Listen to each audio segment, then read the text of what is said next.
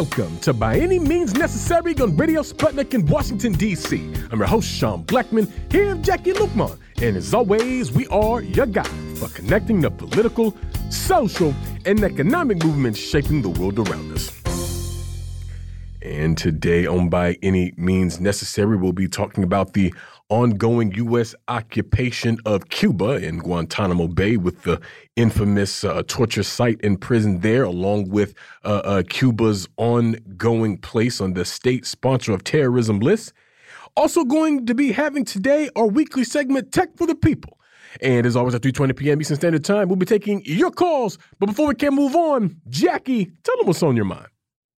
Well, the New York Times reports that a federal judge has ruled that the Biden administration can no longer communicate with social media platforms about broad swaths of content online. The ruling is reported as a victory for Republicans who have often accused social media sites like Facebook, Twitter, and YouTube of disproportionately taking down right leaning content, sometimes in collaboration with the government, while Democrats say the platforms have fail to adequately police misinformation and hateful speech, leading to dangerous outcomes, including violence. In the ruling, Judge Terry A. Doughty of the U.S. District Court for the Western District of Louisiana said that parts of the government, including the Department of Health and Human Services and the Federal Bureau of Investigation, could not talk to social media companies for, quote, the purpose of urging, encouraging, pressuring, or inducing in any manner the removal, deletion, suppression, or reduction of content containing protected free speech, end quote. The ruling said that the government could still notify the platforms about posts detailing crimes, national security threats, or foreign attempts to influence elections, whatever that is. The defendants, the social media companies, and experts who study disinformation have argued that there is no evidence of a systemic effort by the government to censor individuals in violation of the First Amendment. David Rand, an expert on misinformation at Massachusetts Institute of Technology, said his understanding was that the government had, at most, a limited impact on how social media platforms engaged with, with misinformation. I'm not sure what his definition of limited is when Biden himself invited social media influencers to the White House to get their talking points directly from him.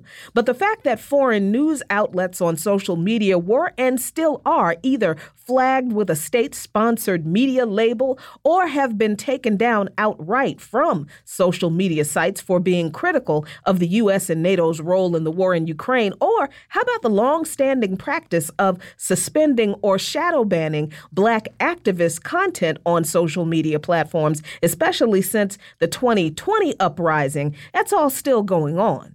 In fact, a recent study found that while politically conservative content was among the three types of content most removed from social media, along with content from transgender people and black people, the study more importantly found that conservative participants' removals often involved harmful content removed according to site guidelines to create safe spaces with accurate information, while transgender and black participants' content removals often involve content related to expressing their marginalized identities that was removed despite those people following site policies or that content fell into moderation gray areas.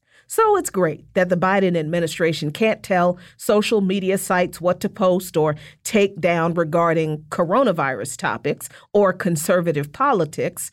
But now, when is somebody going to sue to make sure transgender people and black people and journalists working for foreign news outlets, when is somebody going to sue so we can exercise our alleged First Amendment rights on social media too? On July 3rd, 1988, the United States Navy shot down Iran Air Flight 655, a civilian passenger plane with 290 people on board, all of whom were killed. The incident took place during the war between Iran and Iraq, which was led by Saddam Hussein and backed by the U.S. back when the U.S. liked Saddam Hussein. The naval officer in charge of firing the missile aboard the USS Vincennes hit the wrong key no fewer than 23 times before it was eventually fired. The U.S. military then claimed that the Vincennes was rushing to defend a merchant vessel under attack from Iran when an aircraft outside the commercial air corridor was descending in attack mode toward the ship, which was a lie on all counts. They also tried to claim the ship was in international waters, and naval officers even deleted an Iranian island from the map that they showed Congress.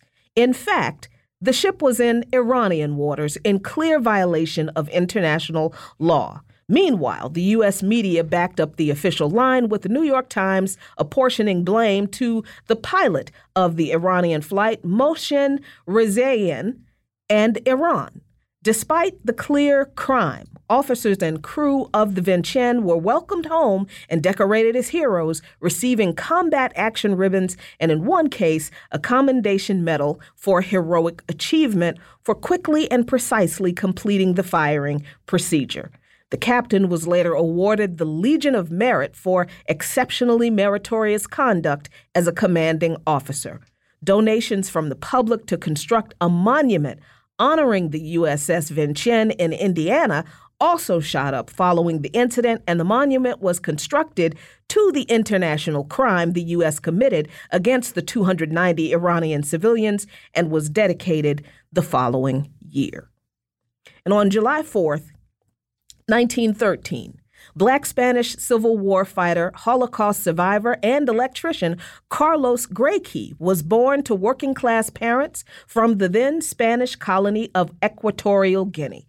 Greykey's studies in medical school were disrupted by the right wing military coup of General Francisco Franco, and he volunteered to fight in the Civil War against him. With Franco's victory, Greykey was forced into exile in France like tens of thousands of other anti fascist Republicans, and like many other Spanish refugees, Greykey later joined the French resistance to Nazi occupation. He was eventually captured by the Nazis on the Rhine front and sent to the Mauthausen concentration camp, where his language skills, which included the ability to speak English, French, German, Spanish, and Catalan, as well as the curiosity of the Nazis, led to him being appointed as a personal assistant to senior German officers who dressed Greykey in an old Yugoslav army uniform to make him look like a bellhop but Greykey remained close with his fellow Spanish detainees and with them took part in a rebellion in the camp shortly before its liberation by U.S. troops and upon his release, Greykey was unable to return to Spain as the Franco regime was still in power, so he returned to France, living in Paris and working as an electrician. And in his later years, Greykey again became active in opposing the brutal dictatorship in Equatorial Guinea of Francisco Macias Nguema, a former official under Spanish colonial rule. He remained a supporter of the establishment of democracy in the country until his death in 1982. Follow Luke Nation on patreon.com slash Nation for lots of great content. Those are today's talking points, and you are listening to By Means Necessary on Radio Sputnik in Washington, D.C. I'm your host, Sean Blackmon, here with Jacquie Luqman, and as always, we're your guide for connecting the political, social, and economic movement shaping the world around us by any means necessary. And we're going to keep the movement moving on, as they say. We're now happy to be joined by Gail Walker, Executive Director of the Interreligious Foundation for Community Organization, otherwise known as IFCO, and Calla Walsh, co chair of the National Network on Cuba. Gail, Calla, thank you both so much for joining us. Thank you so much, Sean. Good to be with you. Thank you. Absolutely. And you know, uh, as ever, uh, there's a number of pertinent issues concerning uh, the U.S. government's uh, ongoing attack and blockade against Cuba, which has been going on now for uh, over half a century. And uh, most recently, the NNOC, the National Network on Cuba, IFCO, and other organizations engaged a campaign to take Cuba off the list of the state sponsors of terrorism. And so, Gail, I'll start with you. If you could sort of break down uh, just what is this list and how is it that Cuba came to be on it? Well, thanks again, Sean, for this opportunity. And I'm going to um, always ask my, my sister Calla. She's the, my younger sister, is just so smart and bright to, to join in on anything I might miss. But um, in short, the SSOT, as we refer to it, the State Sponsors of Terror list, is an arbitrary list that was uh, designated by the State Department um, to essentially uh, punish countries that with whom they uh, disagree. So there are only a handful of countries on that list, and you might imagine uh, some of sound familiar. Besides Cuba, we've got Iran, uh, we've got um, uh, I think South Korea. I'm sorry, no- North Korea my my, my mistake. Um, but there's only a handful of countries that that the U.S. government decides who gets put on that list, how long they'll be on it, and it's just arbitrary. And it's a way in which they are able to continue to punish uh, countries with whom uh, they have policies that they disagree, and uh, the the end result is uh, just chaos for the country itself, uh, being forced to uh, trade with cash uh, as opposed to credit, like most countries in the world, all countries in the world, um, and efforts to punish other countries and companies and businesses and banks that might uh, do business with Cuba. So it, it's a way to identify Cuba as the boogeyman, the terrorist. And uh, in fact, we know that the real terrorist uh, is uh, on, on, on this side of the lane. But, but that's, in short, um, what I could say about the SSOT. Absolutely. And uh, Calla, uh, sort of same uh, question to you, but uh, just sort of contextualizing how placing Cuba on the list uh, exacerbates um, uh, the already existing difficulties in Cuba as wrought by the U.S. blockade. Yeah, absolutely. So Trump added Cuba back to the SSOT list on January 11th, 2021 which I'll note is just four days after, five days after the Capitol insurrection on January 6th, and just a week before his term ended. And this is after Obama took Cuba off the list and said there's no evidence Cuba is supporting terrorism um, during his period of rapprochement. So Trump did this to punish Cuba. It's a continuation of Trump's really cruel policy towards Cuba, um, where he added 243 additional new sanctions. And Biden has pretty much continued all of Trump's harsh policies. And Cuba in recent years has been experiencing, um, you know, one of its hardest economic crises ever. Uh, Cubans refer to it as a second special period, comparing this crisis to um, the hardships after the dissolution of the Soviet Union in the 1990s. This is because of the pandemic, which cut off tourism, one of Cuba's main sources of income. It's also the war in Ukraine, which has contributed to fuel shortages. And the state-sponsored terrorism list um, really exacerbates like all the already devastating effects of U.S. sanctions by making it harder for Cuba to trade uh, internationally, to get loans, to buy the, the goods and services that its people need. You know, Cuba's a small island in the Caribbean. There's a lot of things it can't produce for itself and has to buy, which is what the blockade targets. And Biden and Trump and every U.S. president who carries out this blockade likes to say, oh, we're, we support the Cuban people. Um, we're just punishing the Cuban government. But in reality, this is a collective punishment on the entire Cuban population um, 80% of whom have lived their entire lives under the blockade. Um, so it really is, you know, a crime against humanity. Yeah, absolutely. And in the recent um, uh, march on the White House, uh, demanding to take Cuba off the list of state sponsored terrorism, a lot of excellent points were made about the reality of Cuba and its relationship to the rest of the world, Gail. And one of those points was actually made by Calla, but I'm hoping, Gail, that you can expand on it a little bit more. And that is that Cuba is a sponsor of peace around the world and not terrorism? And how are the, the many ways that Cuba is actually responsible for spreading peace around the world, and not only in ways that the United States has not and never will, but that, that flies into the face of the idea that Cuba is sponsoring terrorism? You know, Jacquie, thanks. That's such a, a, wonderful question because, you know, many of us have all lived, I don't care how, I've got a lot more, you know, I have gray hair and, and uh, Calla does not. So we, we represent, I think, the, the arc of, uh, the, in terms of age, of people who've been exposed to negative information, negative uh, uh, propaganda about Cuba since, ever since we've been born. So the reality is, what do, you know, what what is it about Cuba that keeps us going back, that keeps us defending her? And it's it, it's based on what you just said that that really uh, Cuba is in fact, a defender of peace. And we've seen that over and over and over again in countless parts of the world where let's just say through through doctors, uh, through the, the exporting of doctors and medical aid and medical assistance, Cuba has been uh, a beacon of hope for usually uh, countries, uh, smaller, uh, more defenseless countries, countries uh, with people of color uh, in uh, leadership who have been impacted by uh, imperialism and, and uh, U.S. government uh, policies. Um, Cuba has been sort of a, a, uh, a, welcome voice on the on the other side. Uh, when we look at healthcare, of course, that's uh, certainly an area that, that Cuba has um, excelled. Um, we know very quickly that there is a medical school scholarship program that we're fortunate at IFCO Pastors for Peace to be able to facilitate, but to allow young people to study medicine under full scholarship um, courtesy of Cuban people and the Cuban government. Um, that's just one example, and so many others where we could talk about the ways in which Cuba has uh, uh, lifted up uh, the health concerns of the world.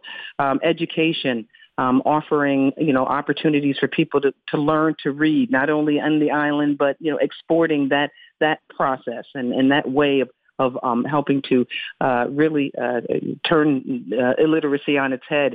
Uh, climate change, uh, from its inception, um, Cuba has been a country that has understood the impact of um, climate change, particularly as an uh, island country, and has exported, you know, um, all kinds of different ideas about ways that we might be able to fight this under the banner of something they called uh, life's work or uh, uh, Vida.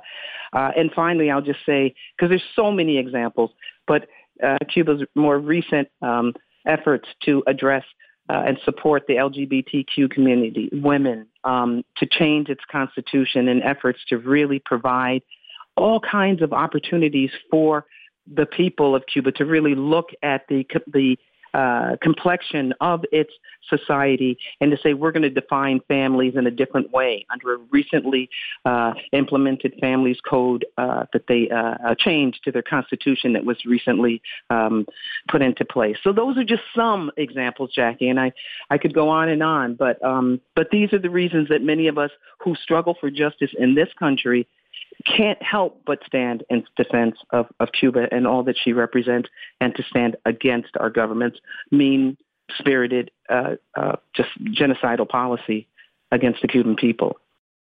Absolutely. And uh, Calla, you know, Gail made mention of you know, the multi generational uh, nature of the uh, Cuba Solidarity Movement. And, and, from your perspective, I mean, why do you see that uh, as important? Why is it important to uh, uh, make sure that uh, young people are not only aware, but are, are becoming actively involved?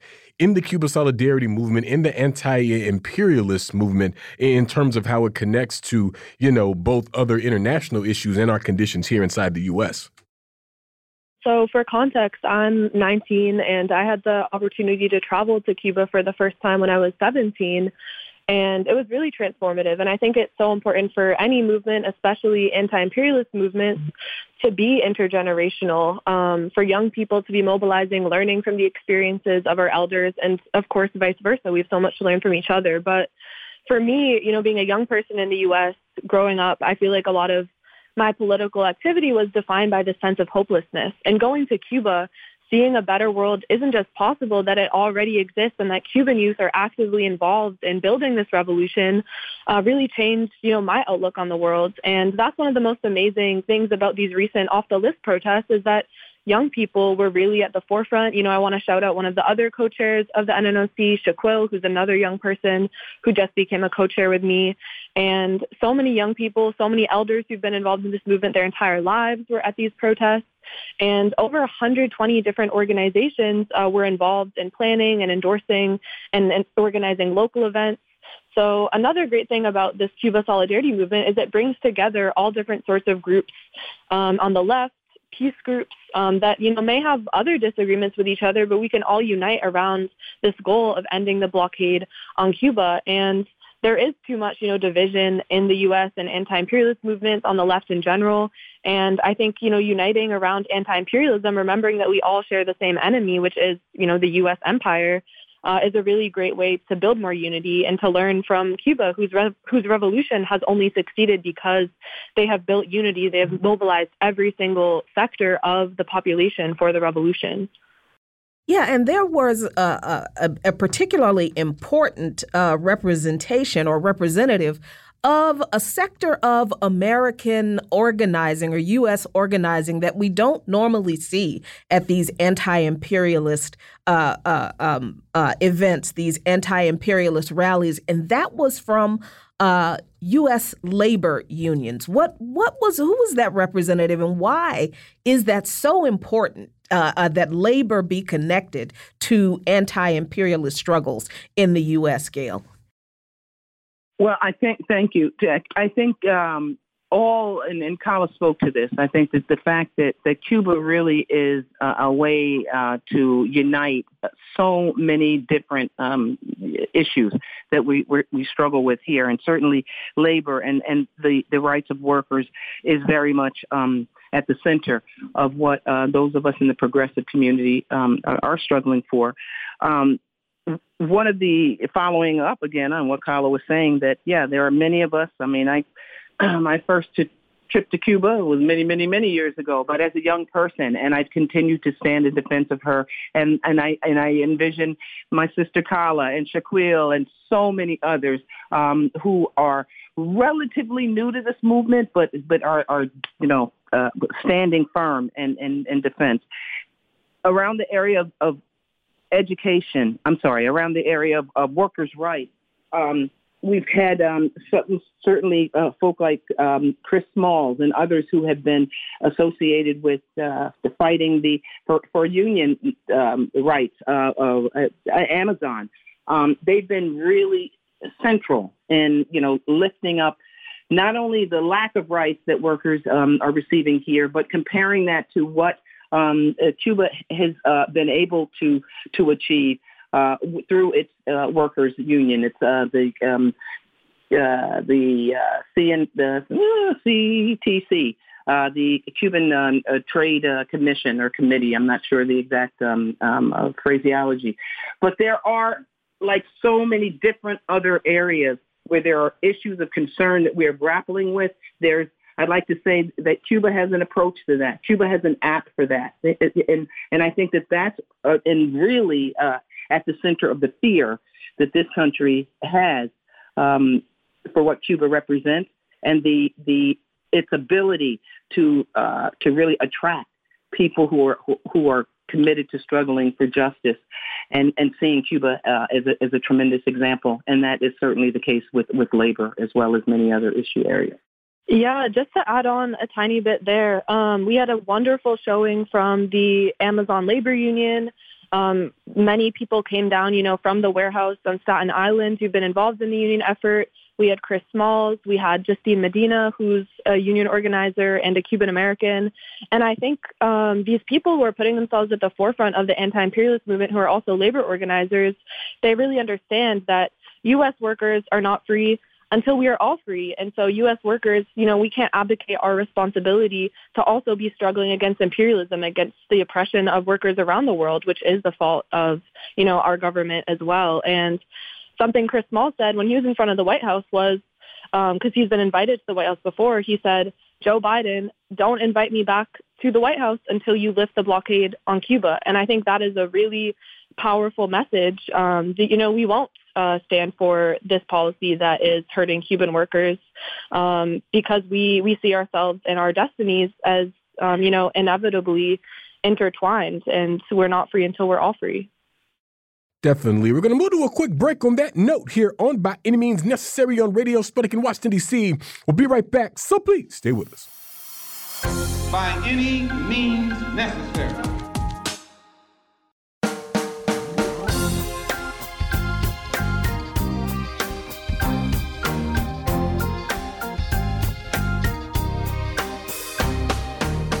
Welcome back to by any means necessary on Radio Sputnik in Washington, D.C. I'm your host, Sean Blackmon, here with Jacquie Luqman. And as always, we are your guide for connecting the political, social, and economic movements shaping the world around us. And we're continuing our conversation with Gail Walker, Executive Director of Interreligious Foundation for Community Organization, otherwise known as IFCO, and Calla Walsh, co chair of the National Network on Cuba. And, uh, excuse me, uh, Gail, IFCO has been an organization uh, uh that's really been key to the uh, U.S. Cuba solidarity uh, movement for years. And, and I wanted to talk some about um, how the the U.S. Cuba solidarity movement sort of uh, continues to be a, a very necessary today. I mean, I almost feel like I'm uh, bearing the lead in terms of both you and Calla attempted to confront uh, U.S. Senator Bob Menendez about his uh, anti Cuba policies and uh, were arrested uh, as a result. And this also comes uh, amid something called the Force Act, this attempt to basically make it even more difficult to remove Cuba from the list of state sponsors of terrorism. And so I was hoping you could talk about both what happened at Bob Menendez's office and how pieces like the Force Act uh, contribute to these attacks on Cuba. Yeah, thank you again. Yeah, I mean, I think the the important uh, takeaway uh, for for listeners is that this is a uh, a multi generational movement. That this is a movement that has attracted, as I've said before, people from different um, issue areas, and and that's what's exciting about Cuba, um, is that we can bring um, people together around different topics and concerns.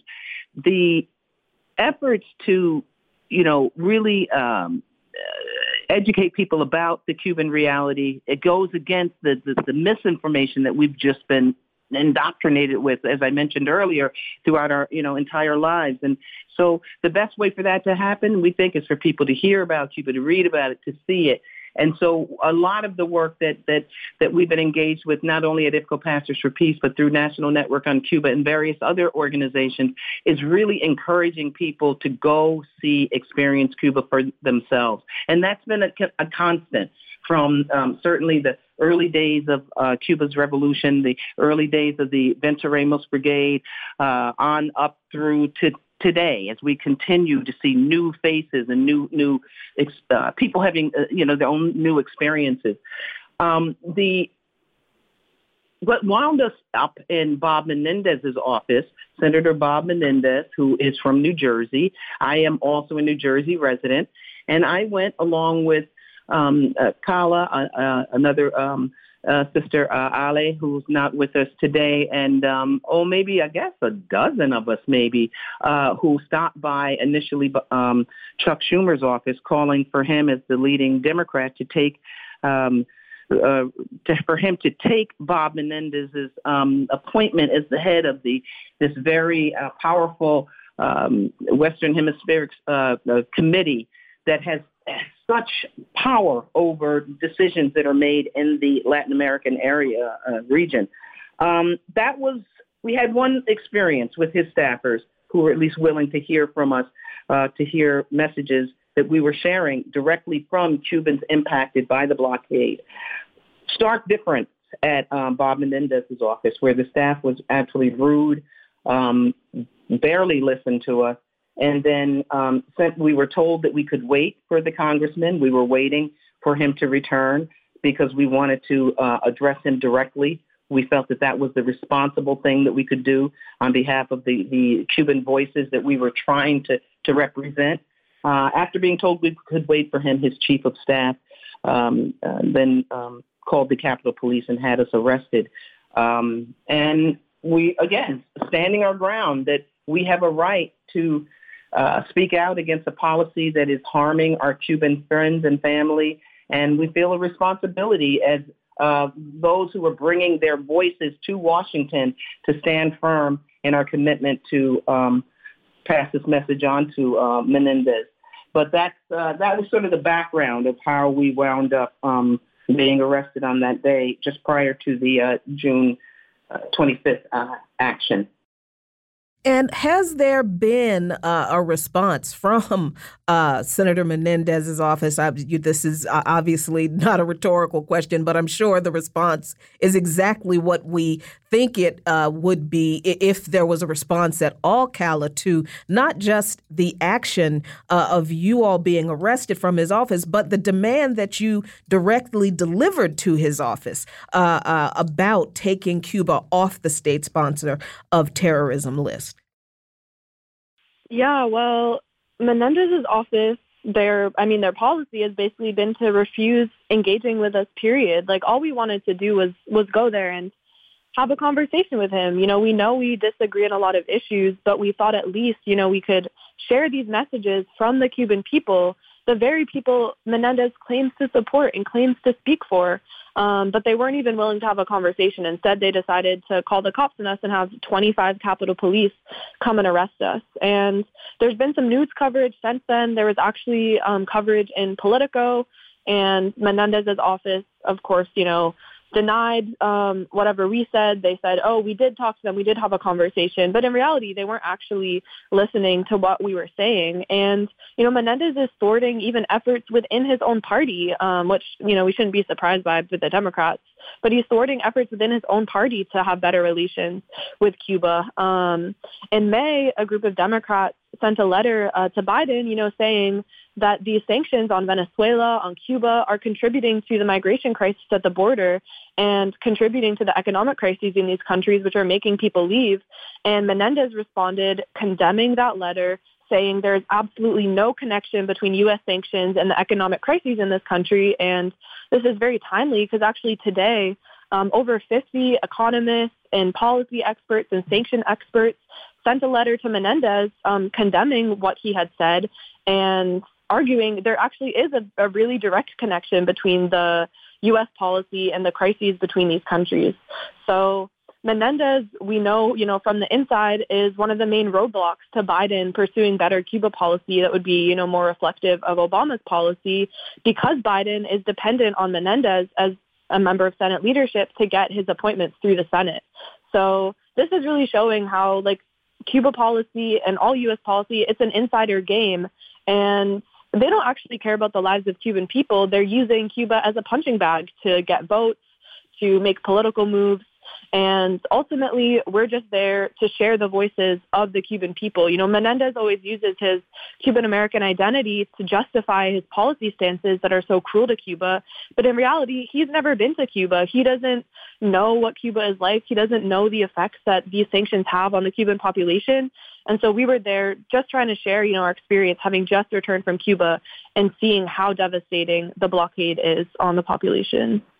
And that leads me to my next uh, question, Calla, because I feel like Menendez is just one example of uh, people in U.S. government in both the Democrat and Republican parties who always seem to be speaking for or on behalf of the Cuban people or, or who present themselves as if they're speaking to the real interests of the Cuban people and anything else is just uh, propaganda coming from uh, the Cuban government. But particularly uh, uh, since you know you all uh, uh, go on these regular trips to Cuba and you see from on the ground um, how the blockade and these uh, other measures are really just, I mean, brutalizing uh, the Cuban people in so many ways. I mean, that doesn't even seem like a strong enough word to really describe the impacts. And so, um, based on what you saw the last time you were in Cuba, which I know wasn't that long ago, I mean, how do the conditions there and what people are saying there,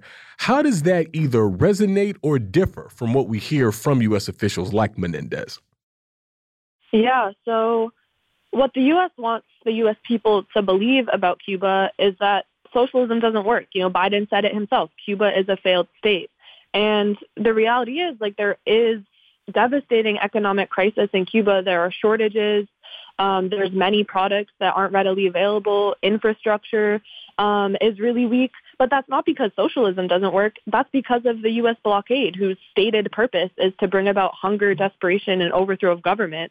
And in reality, socialism is the only reason that despite these brutal sanctions, despite this economic crisis that has, or the blockade that has stolen $150 billion from the Cuban economy, Cubans still have higher life expectancy than people in the U.S., the richest country in the world. Cubans have, you know, better education, better literacy rates, um, guaranteed housing, free healthcare, all these things we don't have. And when we went to Cuba um, this May, you know, we saw just how bad the sanctions have gotten. You know, I think the the most clear aspect was the fuel shortages. People waiting hours in line to get fuel um, because you know the sanctions have especially targeted things like fuel that really keep the Cuban economy running. The sanctions have targeted um, any possible like sources of income for Cuba that could uh, help alleviate the effects of the blockade. And so maintaining the blockade is a great way for the U.S. to maintain their propaganda about Cuba that socialism doesn't work because obviously if the blockade didn't exist and Cuba was able to thrive on its own un- without sanctions, then U.S. people would probably look to Cuba and say, hey, this island 90 miles off our shore has free health care, guaranteed housing, um, free education. Why can't we have those things here?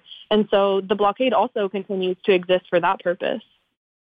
Yeah, absolutely. And, you know, what do you uh, attribute to the uh, popularity or the recent move by some city councils, uh, Washington, D.C., including, uh, um, to uh, sign resolutions uh, calling for Cuba to be taken off the state sponsor of terrorism list, uh, clearly signaling that the people in the United States are uh, uh in favor of ending the animosity toward Cuba, even if uh, the elected representatives in Congress are not quite there yet, Gail. Yeah, you know, Jacquie, so often it's the case, and it's the people um, and, and the people's voice that, that resonates to the top and that, that, that leads the day. Um, and I think that that's exactly what's happening. We've also got um, the recent resolution passed here in New York City by um, um, uh, Charles Barron, who's just been uh, a wonderful friend of Cuba uh, and, and paid with it politically. He was ousted from his seat uh, by some of the haters um, who um, uh, did not appreciate the fact that he really successfully pushed through a resolution that not only included uh, calling for Biden to lift the blockade, but also specifically to take Cuba off of that uh, state sponsors of terrorism list. It's, it's, I think you're absolutely right, a reflection of the the rising number of people in this country who see the hypocrisy uh, of uh, this uh, U.S. policy and um, witness and are able to witness all of the wonderful things that Cuba has been able to, to do. Who who who was there running to uh, you know uh, fight against Ebola in Western Africa? You know who was at the front of the line? The Cubans. Who was sending doctors? You know, uh, left and right to to fight COVID. Uh, who has been, you know, a a uh, just like I said, a, a beacon of support for countries throughout the the world um, after hurricanes, after you know natural disasters.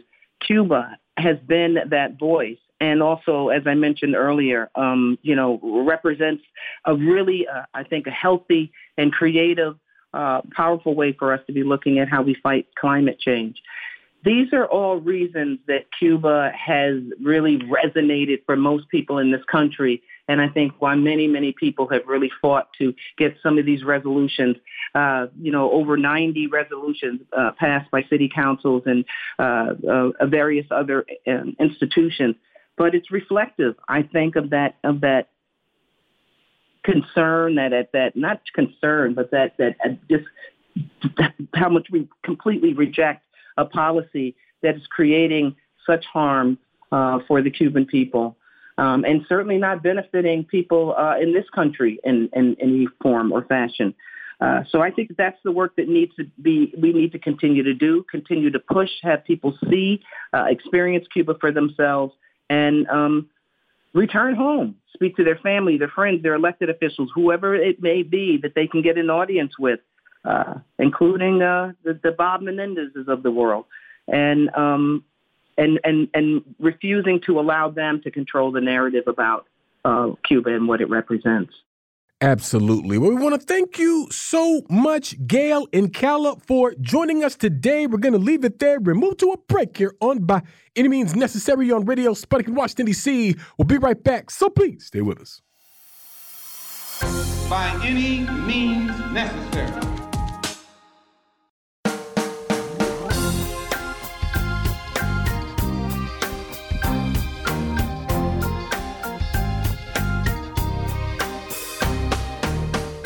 Welcome back to By Any Means Necessary on Radio Sputnik in Washington, D.C. I'm your host, Sean Blackmon, here with Jacquie Luqman. And as always, we are your guide for connecting the political, social, and economic movements shaping the world around us.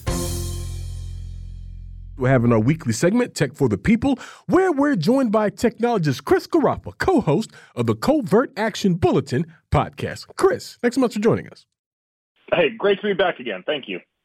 Absolutely. And Chris, as uh, Twitter continues to have uh, a number of issues uh, under the continued ownership of Elon Musk, uh, Meta, the company formerly known as uh, uh, as Facebook, has recently unveiled an app seemingly poised to try to compete with Twitter as it goes through these issues. And this new app is called Threads. And so, let us know something about this Threads app and what we may know of of it so far. And what does the emergence of this kind of competitor app for Twitter maybe tells us about uh, uh, uh, how things on that site might be trending?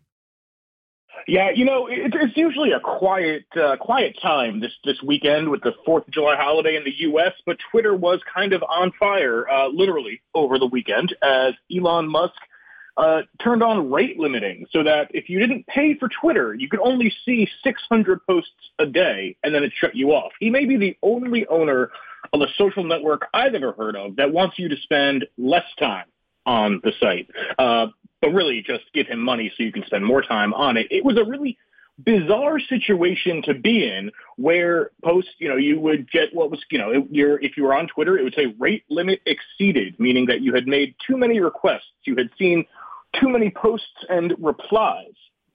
And during all of this, people were moving to other uh, other options. Bluesky was created by, by Jack Dorsey, who founded Twitter, uh, Mastodon, and other options. But Instagram or Meta at the same time took the opportunity to soft or early launch their competitor, Threads. So Threads is going to come out on Thursday the 6th. Um, you can, if you want to, go and pre-download it in the Apple App Store. Uh, there's a big, big PR push, which again we don't normally see on you know this holiday you know long weekend.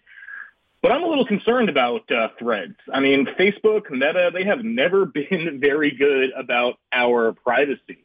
Uh, that has always been a little bit concerning uh, or very concerning, depending on how you're looking at it. And, you know, Sean, I'm looking at the App Store, uh, the Apple App Store privacy page for the Threads app. And, you know, Apple is forced developers to start noting how they collect and use data and what is anonymous uh, and what is directly linked to you. And if you look at this page, the data linked to you, your purchases, financial info, location, including precise location, phone number, your contacts, your contacts who are in your in your phone, your search history, your device ID, um, all sorts of information that the Threads app is going to be tracking. So what we're seeing here is we've got this entire new app that's coming out that I think people will go to because people are very frustrated with Twitter, whether it's just not working at all or they're tired of the you know resurgence of far right actors that are getting promoted on Twitter. Uh, because if you buy a blue check now, which many on the right are doing uh, as a sign of support for Elon Musk and his so-called free speech perspective, which is actually just a right-wing perspective, you now get boosted, so you get to you get seen more on Twitter, and so people are taking advantage of of that people are getting really tired of this, uh, of, of the racism and the bigotry and just the just junk that it, that Twitter has become. So I think we're going to see people go over to uh, to Threads, and I think that we need to just be aware of this is just another app from Meta, and Meta, of course, being a company that has never respected the privacy uh, of its users. Well, you know, even if we can't get satisfaction as users in either Twitter or this thing, threads, we might be able to get some kind of satisfaction with a potential uh, cage match between Mark Zuckerberg and Elon Musk. I don't know. That's kind of appealing to me, Chris. you know, I'd pay eight dollars for the pay per view. I'm just saying uh, that would be a fantastic cage match. I would absolutely uh, watch that. Uh, I think that yeah, I mean, there's there's all of this drama happening. You know, and Elon Musk, of course, loves the drama. He loves when all of this happens. Um, but uh, you know, and, and he's in some ways, you know, a master troll. I, I guess you could call him, but. Unfortunately, the reality is that so many people rely on Twitter for whether it's entertainment or news. Um, another change, you know, that we should talk about that Musk has made recently is that you have to be logged into Twitter in order to see the, uh, you know, see posts. That was never the case in the past. You could go to a, in your web browser, go to Twitter, and if somebody sent you a link to a post, you could see it. And that seems minor until you consider uh, a couple things. One being posts from emergency services. Uh, just over the weekend, for example, there were some high winds in Amsterdam, in the Netherlands, and the fire department there uh, sent out a public alert to every you know residents' phones. Um, and in the past, I've seen the screenshots here. They've included a Twitter handle saying, "Go check our Twitter page for immediate and then regular updates." And they've actually removed that because now you can't go and see what the updates are. Uh, this is often used by uh, universities, businesses, law enforcement, you know, city governments, counties, you know, the web, National Weather Service, um, and people rely on that kind of, of uh, posting in order to just get updates on what's going on. Where is there traffic? Where is the you know evacuation route from a fire or other natural disaster? I mean, awful things like school shootings. You know, um, and that's gone. That's basically gone at this point. If you are rate limited on Twitter, or if you don't have an account and can't see the information, uh, then this platform that we have all been using for so many different reasons and for so many different purposes uh, is now actually useless. And there isn't a another place to go, uh, not one that you know is going to serve the same purpose. You know, I think Threads is going to have to adapt to what people expected from Twitter, but also what people, you know, didn't like from Twitter. But at the same time, again, it's not a user-focused experience. It's a corporate product that is going to try to ride this wave of this junk that's happening at Twitter in order to get people hooked on it, which we've seen in so many other platforms. Yeah, and uh, speaking of Twitter, Chris, uh, there's also this issue of uh, Twitter blocking Google search. So what's happening there? Yeah, so that's exactly it. So Twitter, as part of disabling the uh, public indexing uh, or the public views of search, Twitter has also turned off Google's ability to uh, to index uh, tweets.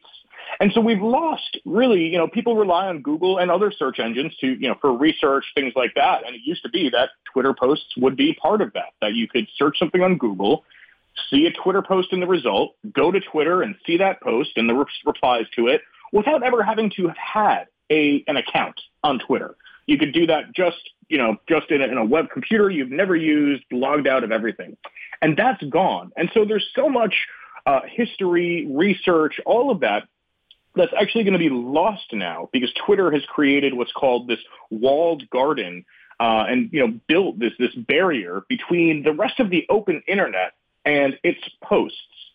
And this is something that you see, you know, uh, other publisher, you know, publishers like, you know, the New York Times, the Wall Street Journal, they have paywalls, but they often allow Google or other search engines to index their posts or their, their articles uh, so that they show up in, you know, in, in the results. Uh, Twitter is effectively paywalling their content by forcing you to create an account. Now, yes, the Google, a, a Twitter account is free, but you're still giving information to Twitter, the company, that you used to not have to give just to see what users posted on the site. So we're not talking about something that Elon Musk himself has written and, and all of that. We're talking about showing the content that, you know, you and I or what Jacquie has posted on Twitter or, you know, anything like that. And Twitter has now said that's not available to the public anymore. You actually have to sign up for an account. Um, it's also breaking sites that have embedded tweets on their sites. So many news articles, you see it, they they embed a tweet that they're referencing, and that has started to break as well. And so that context is now also lost when you're uh, you know when you're looking at a news article um, that references a tweet. Yeah, and uh, switching gears uh, a little bit, I also want to talk about an issue with TSA, the Transportation Security Agency that uh, people are familiar with if you ever get on a flight uh, here in the U.S. Uh, and TSA wanted to expand facial recognition to hundreds of airports within the next 10 years. So, what's happening here? Yeah, so TSA is using a uh, product from a company called Idemia, which has a number of different divisions, and uh, they they focus on a number of different clients, but all almost all uh, government with some commercial services, and they do stuff like access management, where they actually call out border security as one of their access management features. Uh, they have DMV clients, uh, you know, state D- DMVs, where they have a mobile ID solution. Um, and so they're really pushing this this program to use biometric, uh, you know, facial recognition technology. I've actually seen a video about how this works. Somebody who who encountered it uh, live over the weekend at an airport, and uh, you know, they actually asked the agent, you know, can I opt out of this? And the guy said, oh, you're you're a U.S. citizen, so yeah, you can opt out of it. Uh, so what's the, you know, if, if they're talking about this is making things more secure, right? If you can just say, well, no, I'm opting out of I'm opting out of it. It really shows that it's actually security theater. It's not actually making anyone more secure to use facial recognition. Um, I mean, it, don't get me wrong. It's good that you can opt out of this. You sh- we should uh, should opt out of it when you come across it. And in fact, it should not be a program uh, at all. Um, so yeah, this this company Idemia, you know, really focuses on high tech surveillance type solutions. They call it identity matching uh, in some of their enterprise uh, enterprise things. Um, and they're really really pushing to get over the next, uh, I believe, six years. They want to get uh, 430 airports in the U.S. Uh, up to using their technology, and this is going to cost hundreds of, of millions of dollars and be a huge risk to the privacy of anyone who travels through an airport. And of course, you know, the uh, company is is claiming that because uh, there's no log kept of people's faces from the these uh, uh terminals, these facial recognition terminals, uh, they shut off uh, 30 minutes after non-use, after the agent logs off. They're not kept on the server, but that really doesn't change the fact that people are being subjected to the airport CCTV. And you know, if you have a governed government issued photo ID then the government will have what you look like anyway. So that, that the fact that the images aren't kept on a log anywhere that we know of really doesn't change the, the violation of privacy that uh, passengers are subjected to when they go to airports, Chris. That's right, and let's not let's not forget that um, in you know historic you know historically when when facial recognition algorithms have been tested, they do not do well with, particularly with black men. They actually have a much lower match rate or a successful match rate with black men. So imagine going through an airport and, you know, a TSA agent scans your passport or ID and then they scan your face and this app says not a match, but it is you. Uh, that's something that could be very real and that could cause somebody to be pulled into questioning in the secondary screening.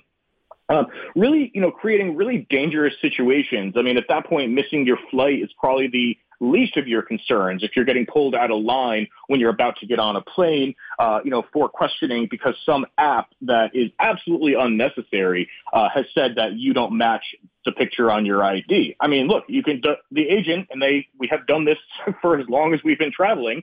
The agent looks at your passport or ID, they look at your face, and they say, okay, that's you, that's not you.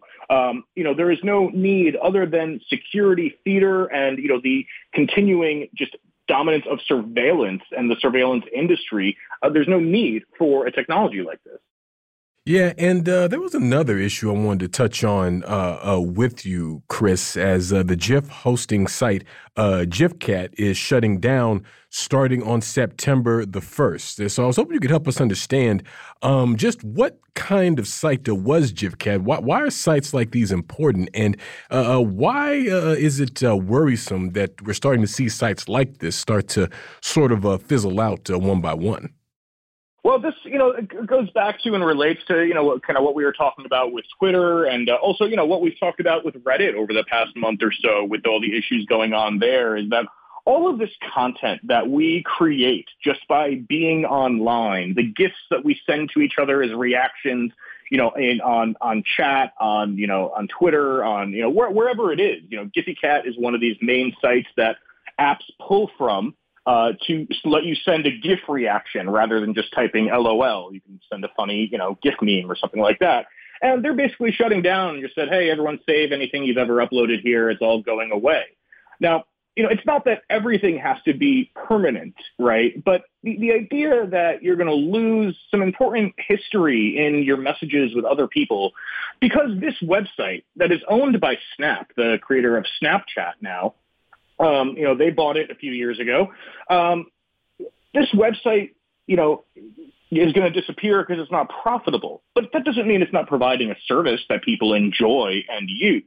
And so it's actually the, the role that capitalism plays in the conversations uh, and interactions that we have online that is the common, I hate to use the word, but thread between all of these different topics that we're talking about when we've been talking about Twitter and Meta and, and Instagram and, and Facebook and, and, and Reddit and all of these things, right? It's that these are all corporate sites that exist so that their corporate owners can make a profit. And so once that is not feasible anymore, once they can't figure out, you know, how do we continue to eke out every last penny uh, from, you know, these properties then they shut them down on us. And we have really no say in that. And that's when we need to start thinking about a new paradigm for the internet and for communications.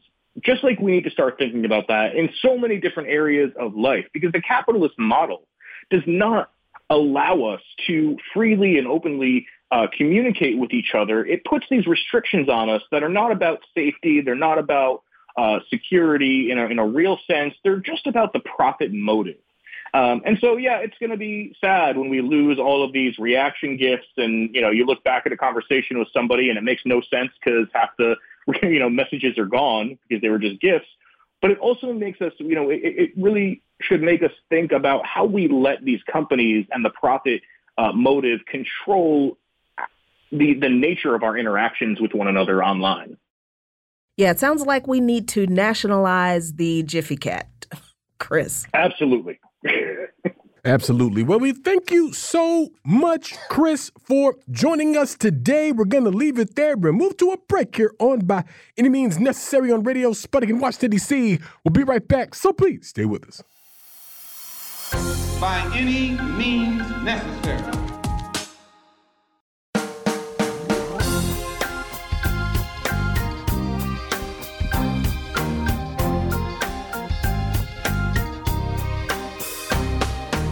Welcome back to By Any Means Necessary on Radio Sputnik in Washington, D.C.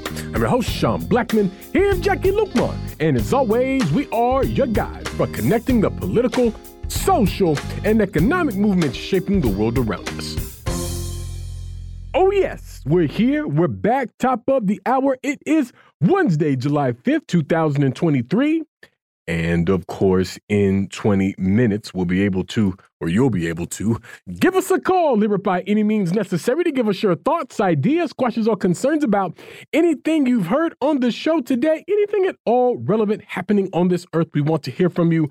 That's not the only way that folks can get in touch with us here on the show. And if you would please, Jacquie, let the folks know how they can holler at us. That's right, Sean. There are so many ways for our allies, accomplices, and comrades, that's y'all, to reach out and touch us here at By Any Means Necessary in Washington, D.C., you can do that at 3.20 p.m. Eastern Time by calling us at 202-521-1320. That's 202-521-1320. But you could also listen to our show live on your radio dial at 105.5 FM and 1390 AM in the Washington, D.C. area from 2 to 4 p.m. Eastern Time each weekday. And shout out to our friends over in Kansas City, Missouri, listening to us right now on 102.9 FM, 104.7 FM, and 1140 AM. But did you know you can also listen to our shows at SputnikNews.com slash radio? Scroll on down the page and click on By Any Means Necessary. And we're streaming for your viewing pleasure on Rumble right now at rumble.com slash c slash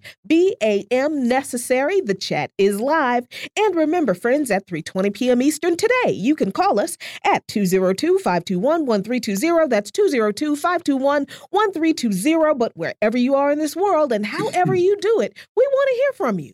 We most certainly do. We most certainly do. When we're very happy to be joined for the hour today by richard becker author of Palestine, Israel, and the U.S. Empire. Richard, thanks so much for joining us. Thank you very much. Hi, Sean. Hi, Jacquie. Hey. Absolutely. And uh, Richard, it's being reported that uh, Israel's military uh, has withdrawn from the occupied West Bank city of Jenin following a large scale uh, invasion by uh, Israeli forces that uh, resulted in the death of at least 12 Palestinians and displaced thousands of people as they were sent fleeing from their homes over the course of a couple of days or a few days. And, uh, you know, according to some reports, uh, the uh, uh Israeli uh, uh, operation in Jenin is the largest operation in that territory since at least 2022. So just a little over 20 years uh, uh, when we saw this. Now, uh, uh the Israeli military uh, denied that it ordered the evacuation of a part of the Jenin camp, but the Palestine Red Crescent Society said that it had evacuated at least 3,000 Palestinians from the camp. And so I was hoping you could help us understand, Richard. I mean, what was the context for this uh, latest attack um, by Israel on Jenin and why this particular area was targeted? Yeah, I think the context is extremely important. Um, and you know, uh, one of the one of the realities of understanding any situation is when does the history begin? You know, so uh, the the Israelis claim, oh, they did this because a couple of weeks ago, when they also attacked Jenin and uh, and uh, suffered a number of casualties, then and um, seven military vehicles were uh, were damaged or destroyed in that. Five Palestinians were killed and many wounded. Uh, so that they, they say, well, then there was an outcry inside the uh, parliament, the Knesset, by the, the right wing, by the fascists who were there, Ben Gvir and Smotrich and some others, that there had to be a huge operation now. Uh, and that operation is what was just carried out and um, with all the casualties, with between 12 and 18 Palestinians killed, uh, over 100 injured, more than 3,000 displaced. Uh, but we have to look back at what you referred to earlier, Sean, as uh, what happened in 2002. Uh, in 2002, uh, in at the end of uh, at the end of March of 2002, there was a huge operation. The second Palestinian Intifada or mass uprising was taking place. And starting on March 29, 2002, the major towns and cities of the West Bank were reoccupied by Israeli troops, including an assault on the Jenin refugee camp. And Jenin is the city, and next to Jenin is the refugee camp, also called Jenin. And the refu- that refugee camp is what was attacked now uh, in the in the recent couple of days. Uh, and that camp is a camp of uh, resistance. Uh, and it's known as that. there, it's very impoverished. The camp has about 17,000 residents, and they're living in an area which is a quarter square mile. So it's really tiny, really packed together. In 2002, when the Israelis retook or reoccupied the cities of the West Bank and Gaza, because Gaza was still uh, was was not yet um, separated, uh, completely separated as it is today.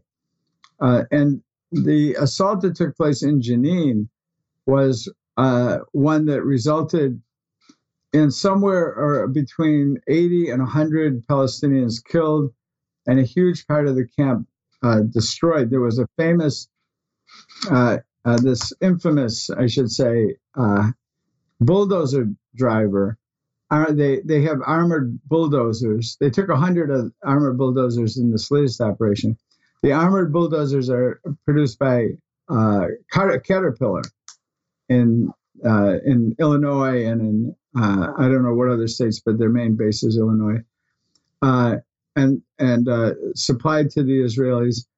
And this one bulldozer driver said he did it 72 hours nonstop, taking pills and drinking, and saying that you know he was so proud to do it, he would have done it for free, uh, destroying all these people's you know very very minimal homes, uh, and that was what happened at that time. But I think that what needs to also be added to the context, and I think this is very important, is that uh, Jenin is in the northern West Bank, and I was there a few weeks after the destruction of the camp in 2002. And you go up on a hill next to the camp where the mosque is, and the mosque was defaced in this uh, in, in the most gross and grotesque ways by the Israeli soldiers who uh, took it over and lived in it.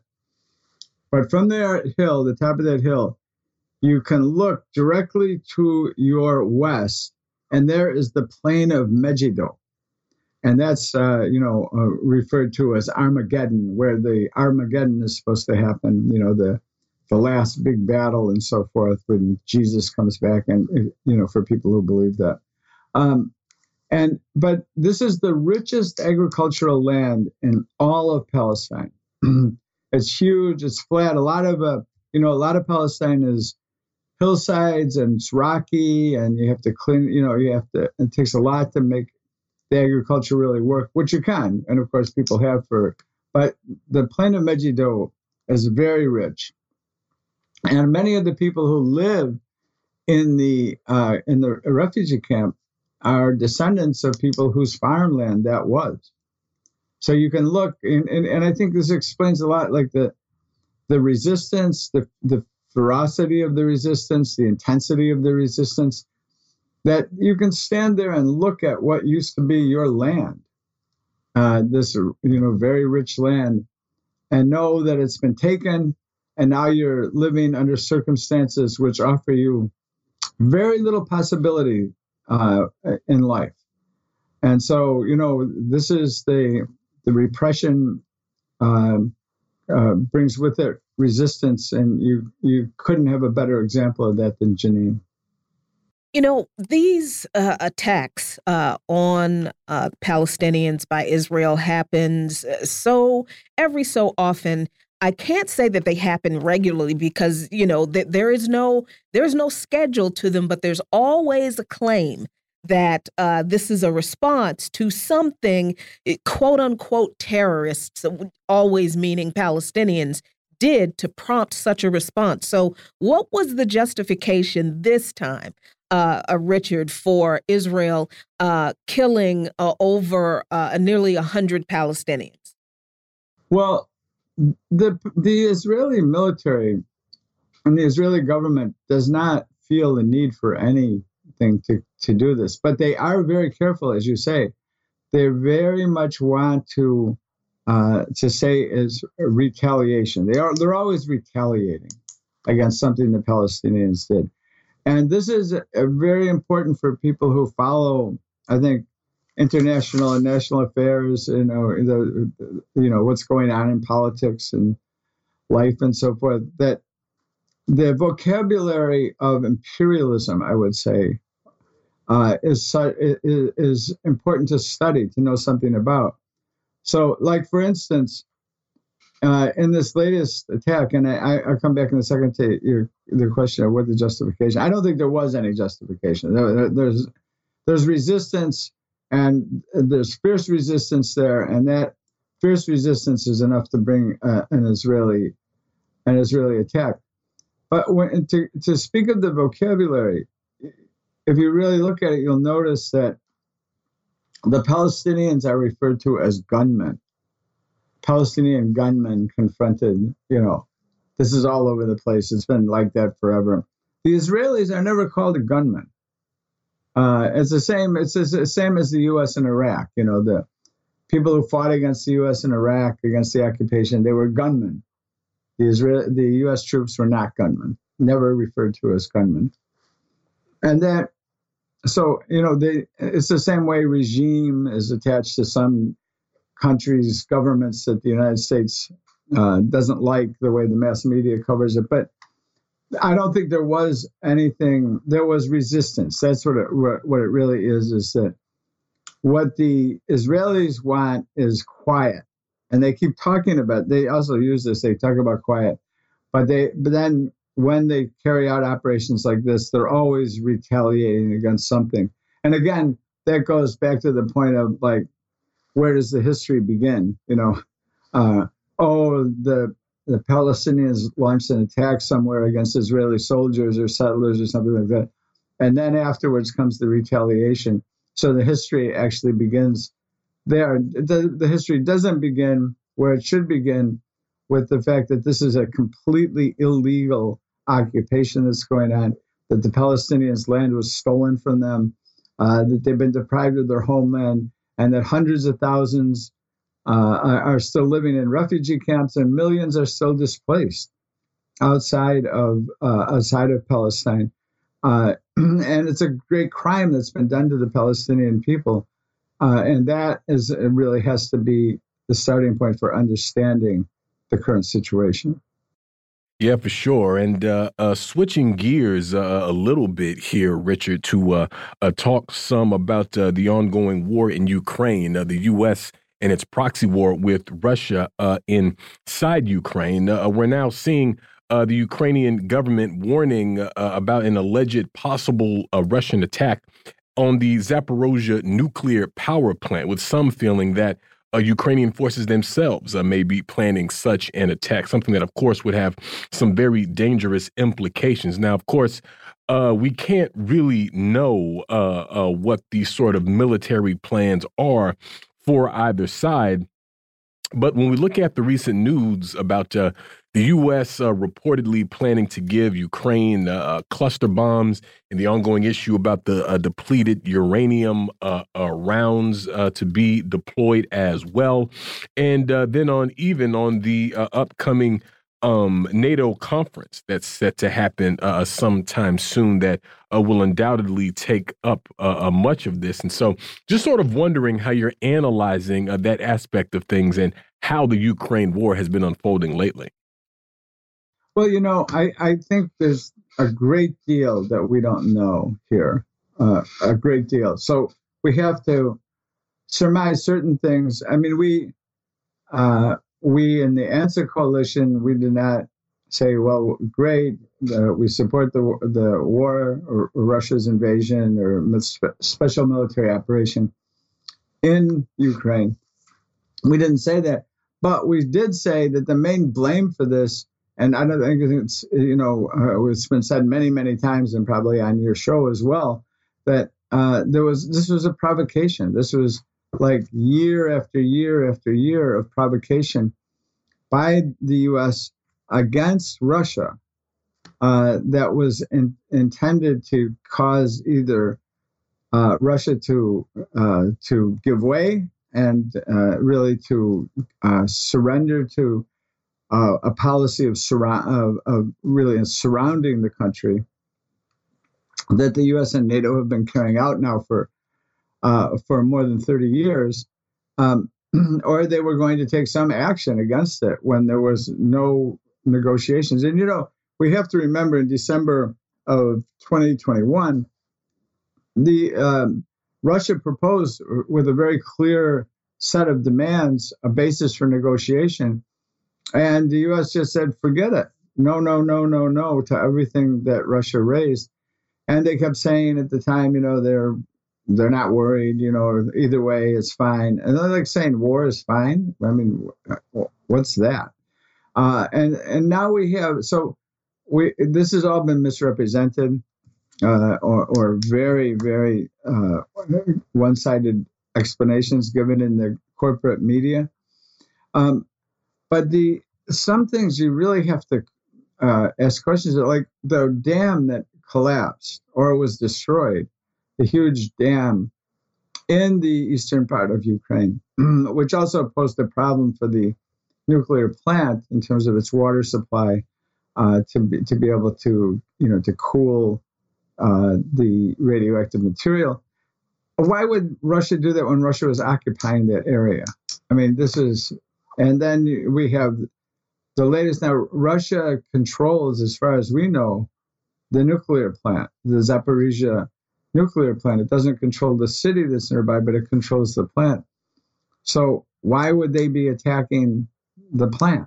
I mean, these are there, there, there are questions that have to be asked that aren't being asked by the mainstream media, or you know, things that are uh, very, very rarely dealt with. But this is certainly one of them. It is very dangerous. I mean, the the uh, you know Ukraine suffered from Chernobyl, Then Chernobyl uh, nuclear meltdown, nuclear plant meltdown back in the 1980s, which is still causing casualties today. People with cancer and other diseases because of that. Um, so it's a very dangerous situation. I mean, the the big point I think for people in the United States is to question what is this? What is going on? Why this vast expenditure of wealth? Uh, and the you know the the uh, the military is proudly saying that military production production of weapons for the war has vastly increased. I mean, we're supposed to all be happy about this and think, you know, just good thoughts and and uh, and not question what the government is doing. But the U.S. government is coordinating NATO. It leads NATO.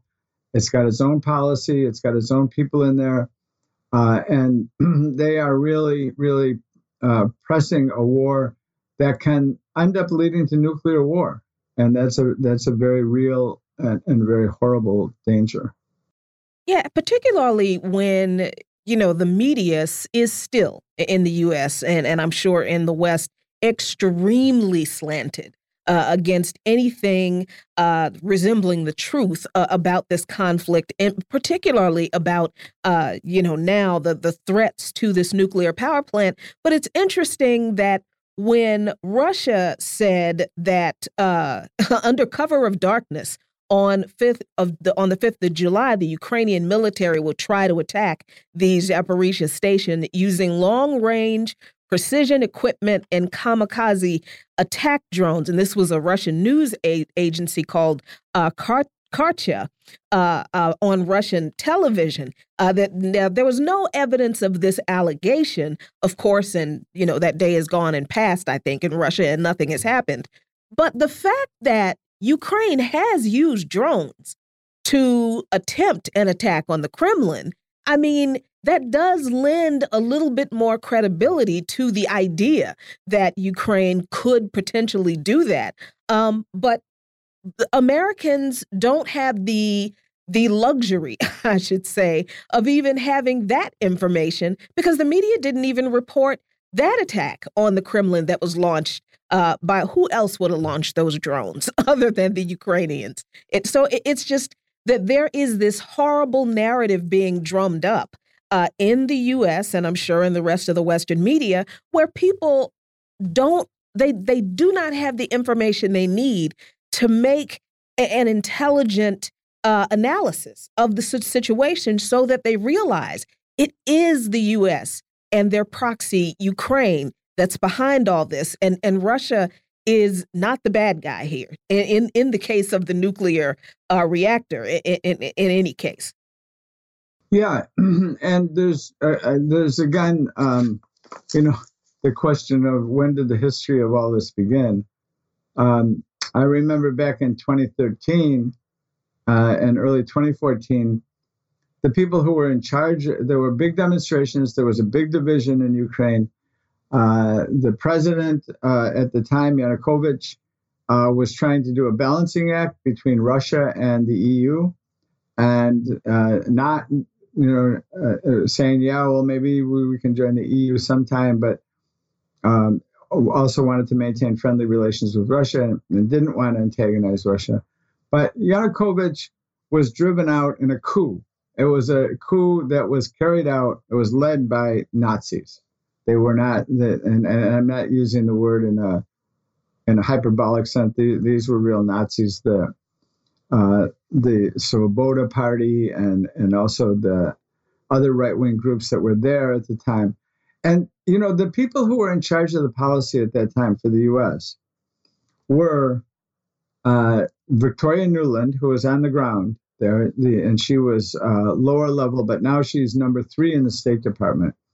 Victoria Nuland, and she was the one giving out uh, cookies at the demonstrations and showing that the U.S. was all on the side of those uh, of the pro-Western uh, side in Ukraine, and really intervening in that country's uh, affairs. I mean, imagine uh, diplomats from uh, China or Russia coming to anti-war demonstrations in the U.S. and show to show their support, and even speaking.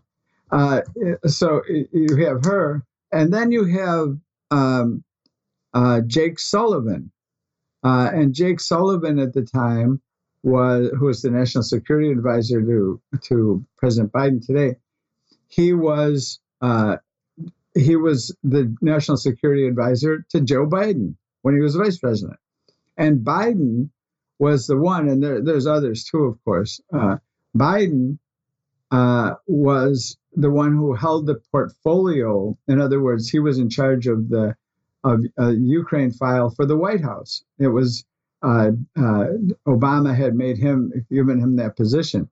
Now you have the same people back, of the same people uh, from 2014 when the coup happened and when they all applauded the coup and said, if Nuland said, you know, we can't have this person as the new prime minister, this person or this person, but uh, she pointed out a person who she said who, who she called Yats, uh, and she said he's the one.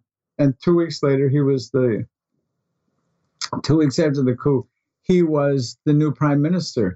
I mean, so this was a whole operation carried out by the U.S. In the midst of that, uh, Nuland exploded at one press conference saying, "Yes, we've given five billion dollars already to promote uh, democracy in Ukraine, and this was back in this was in 2014. So, in other words, there's a whole crew that has been doing this from 2013, 2014, at, at the at the uh, and it may have been much earlier than that. I think it was much earlier than that in reality, but at least to go back 10 years almost of the same elements in the U.S. who were responsible for the coup in 2013, 2014, and now who are in charge of the war policy uh, that's going on today uh, in, in, Ukraine. And it's their view, and, and this includes many other government officials like the Secretary of Defense, so called Lloyd Austin,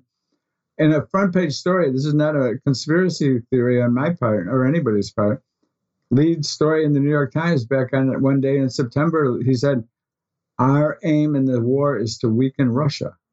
So, you know, to weaken Russia. I mean, that's at the expense of the Ukrainians and expense of the Russians and all that. There's an aim. It has nothing to do with people's rights. It has nothing to do with democracy or freedom or any of those things.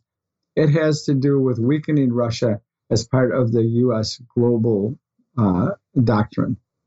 Absolutely. We're going to move to our first break of the hour on that note here on By Any Means Necessary on Radio Sputnik in Washington, D.C. We'll be right back, so please stay with us. By any means necessary.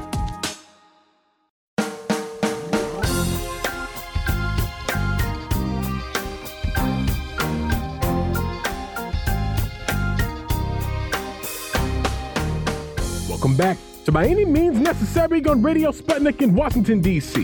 I'm your host, Sean Blackmon, here Jacquie Luqman. And as always, we are your guide for connecting the political, social, and economic movements shaping the world around us. Phone lines are now open 202 521 1320. That's 202 521 1320. Myself and Jacquie Luqman continue to be joined by Richard Becker. And uh, Richard, it's being reported that uh, negotiations between uh, UPS and the International Brotherhood of Teamsters uh, broke down uh, early today, which may increase the likelihood of a strike, uh, which would come just weeks before the contract is set to expire. I believe the current contract is set to expire on July 30 first. And these negotiations uh, have been ongoing with uh, uh, no conclusion having been reached as of yet. And I'm going to read uh, a little bit from the coverage on this by the Washington Post. It says, in a statement, the union said UPS walked away from the table around 4 a.m. after refusing to make a quote, last, best, and final offer, end quote, and saying it had, quote, nothing more to give. The company's offer had been rejected by the union's bargaining committee.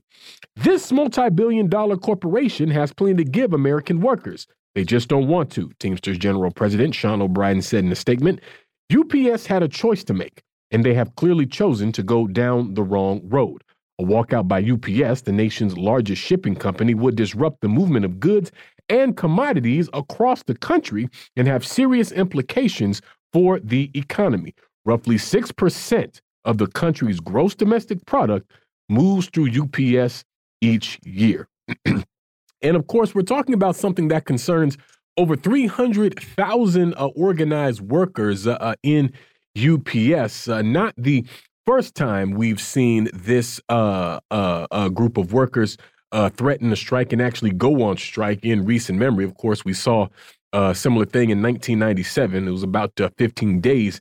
And in that relatively short time, uh, the organized workers cost the company upwards of $600 million. And so, uh, Richard, of course, uh, still some more to be seen here, but just curious how you're viewing the relevance of a possible strike by UPS uh, workers, given not only conditions inside the country right now, but also how it uh, comes on the heels of a number of other uh, uh, uh, other instances of worker militancy that we've been seeing here in the U.S. lately.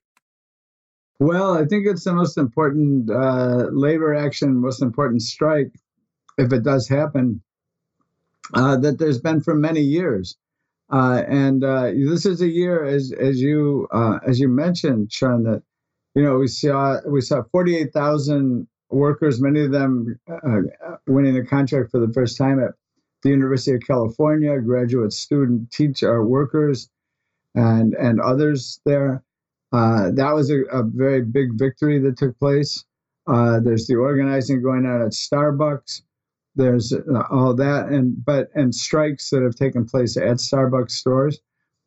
But this is a huge one. This is really a, a, a huge uh, uh, potential strike at a time when public opinion has shifted quite dramatically in a pro union direction, which is a very good sign. But uh, I think that the union, uh, my observation, and from talking to uh, unionized UPS drivers also, is that they are very, very ready for a strike, that they are very determined to end, for one thing, uh, the two tier pay, meaning that new hires get paid less, considerably less than uh, than uh, longtime workers. Uh, they're they're determined to do away with that in the interest of solidarity. It's extremely important to do away with uh, the, and, and it's it's not like you know when you think about top tier, it's not that the people hired, getting hired now are facing lower prices for everything. Everything is more expensive than it was, uh, and you know the so uh, getting rid of top tier that's a, the very big one. Getting a big wage increase, maintaining uh, uh, to, just to keep up with the with inflation, you have to get a very significant uh, wage increase now, and the benefits, health care, and so forth. So this is a big battle. Uh, this is a big battle for uh, the working class as a whole to understand, uh, to see that what the UPS workers are doing uh, what the UPS, the Teamsters Union, is doing in this case with its new leadership uh, has um, will have a dramatic impact not only on those workers and their families, but I think on working people all across the country. Yeah, and Teamsters General President Sean O'Brien said he made a statement that is clear as day. He said this multi billion dollar corporation, speaking about UPS, has plenty to give American workers. They just don't want to. UPS had a choice to make, and they have clearly chosen to go down the wrong road. Now, I guess we don't really know what the Teamsters didn't agree to, uh, what was left on the table. we do know, I guess, that UPS, I think, and thanks for uh, the chat. Shout out to the By Any Means Necessary chat. Uh, uh GH Mondi said the UPS thought they were slick, agreeing to the putting air conditioning in the trucks, like that was the bare minimum they could do, and something that they should have done decades ago. But clearly, they haven't met the uh, uh, UPS drivers' demands. Richard, what would happen if UPS did uh, carry out this strike and then FedEx workers and maybe U.S. Postal Service workers uh, walked off the job in solidarity, what would happen? I mean, in in in a nearly perfect labor solidarity world, that would be a game changer for labor. What do you think the likelihood of any solidarity walkout happening if UPS does strike? Well, I think it depends on, uh, uh, to a large degree, on the leadership of the unions and also on even whether or not you have a union. Uh, as far as I know, uh, the FedEx pilots are unionized, uh, but the but the FedEx workforce as a whole is not unionized. So that's uh, and there was a huge campaign uh, that was defeated many years ago, or maybe more than one campaign uh, at FedEx. The postal workers are organized in a number of different unions. Uh, and there are also other unions that will be impacted by this, like um, uh, uh through uh, other means of transportation. Other transportation unions uh, can be affected by this, and uh, you know the one of the one of the really big issues and the whole reason that the Kennedy administration, way back when, talking like you know, 60 years ago, went after the Teamsters and Jimmy Hoffa the way that they did was that Hoffa was trying to unionize, bring together all of the, and I think this is the main reason that they went after him, of course, is that was trying to uh, unite the different transportation unions, air, uh, the the coastal workers, the truck drivers, and and longshore workers, the and the the air uh, airline workers, into one transportation union, which would have had enormous power. So now we'll see. I mean, in, in, I don't know really uh, what the response will be for other unions. I think some, like the ILWU, although they, most of the trucks that go in, in and out of the ports are independent truckers, but um, it'll raise a lot of immediate questions. And we hope that there will be, like, you know, if there is a strike, that there'll be uh, massive solidarity and and that the a victory by the the Teamsters in this UPS struggle will also, I think it's we can hope would lead to a more union organizing, more solidarity, more understanding of the reality that it's the workers that make the country run. And instead of the, you know, if the billionaires, if the head of UPS and his top lieutenants doesn't show up for work tomorrow or next week or ever again, uh, UPS will still can still function, and so can all of the other workplaces. The the, the people at the top are really parasites, uh, and somehow they control the wealth and they make these uh, they make these decisions that that affect millions and millions of people, but you know they can't keep the trucks running. Yeah, and you know, the whole issue over um, air conditioning in the UPS trucks is pretty fascinating to me. I was recently at a social event for uh, uh, organized UPS workers uh, here in DC. Uh, it's important that we go and uh, be in relationship and talk to and build with these workers uh, in a serious way, and not, not just a sort of a showing up to pickets with signs. But I had one driver tell me that for a long time, the company very purposefully held back on um, putting air conditioning in the trucks. And when he first said it, I assumed it was just another um, cost cutting measure, just one of many ways that a company may, may save a few bucks. But he was telling me that the company actually tried to use AC. Um, try to hold it back basically as a carrot to use later. So as almost as a form of uh, compromise to try to keep the workers from demanding uh, other rights. And so I mean, that to me, I mean, it's downright cruel. I mean, really, whatever the reasoning, we've all seen a UPS truck. They're big metal boxes. And so on a warm day, uh, it's already, it can already be very uh, difficult to be just in a place with no circulating air, even with no doors. And of course, he was telling me that, you know, the front of the truck where they're sitting and the sun glaring on them is one thing, but going into the back of the truck that's shut all the time can easily get up into um, a, hundred degrees or more. And we're talking about people in and out of that kind of heat every day. The human body is not made to withstand that kind of heat uh, uh, consistently. And so uh, th there's a level of uh, uh, cruelty uh, to this that, frankly, is not uncommon when we talk about the conditions of workers here in the U.S.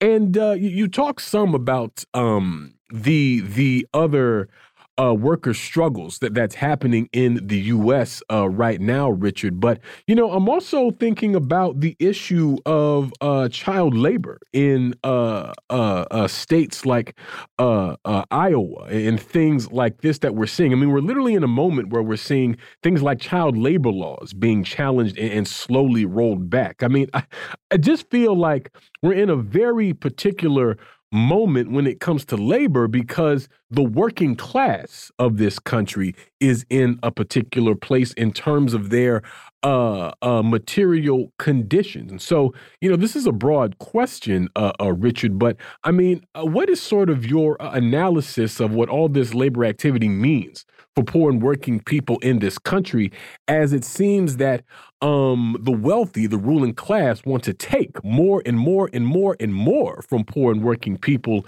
while uh, we're we're seeing them uh, given very little and, and, see them continue to reap very little benefit. Mm -hmm. Yeah, and there's a lot to it there. I I, I should mention um, I know about the I know a little about the heat and the air conditioning. I was a truck driver for uh, a little over seven years, and I drove every day between Rochester and Buffalo. I wasn't in the uh, and back and forth, and so you got like ex, you know the extremes of winter and summer. It had a little bit of heat, nothing that resembled air conditioning, and you know that's it, it, that's a that's a big issue for people. But it's not the only issue. There's a lot of issues um, that they that they're now facing. You know the uh, we're seeing these attacks. I mean, the, the child labor and like the idea that children, young people, teenagers, as young as 14 should be able to go into these dangerous occupations like meatpacking.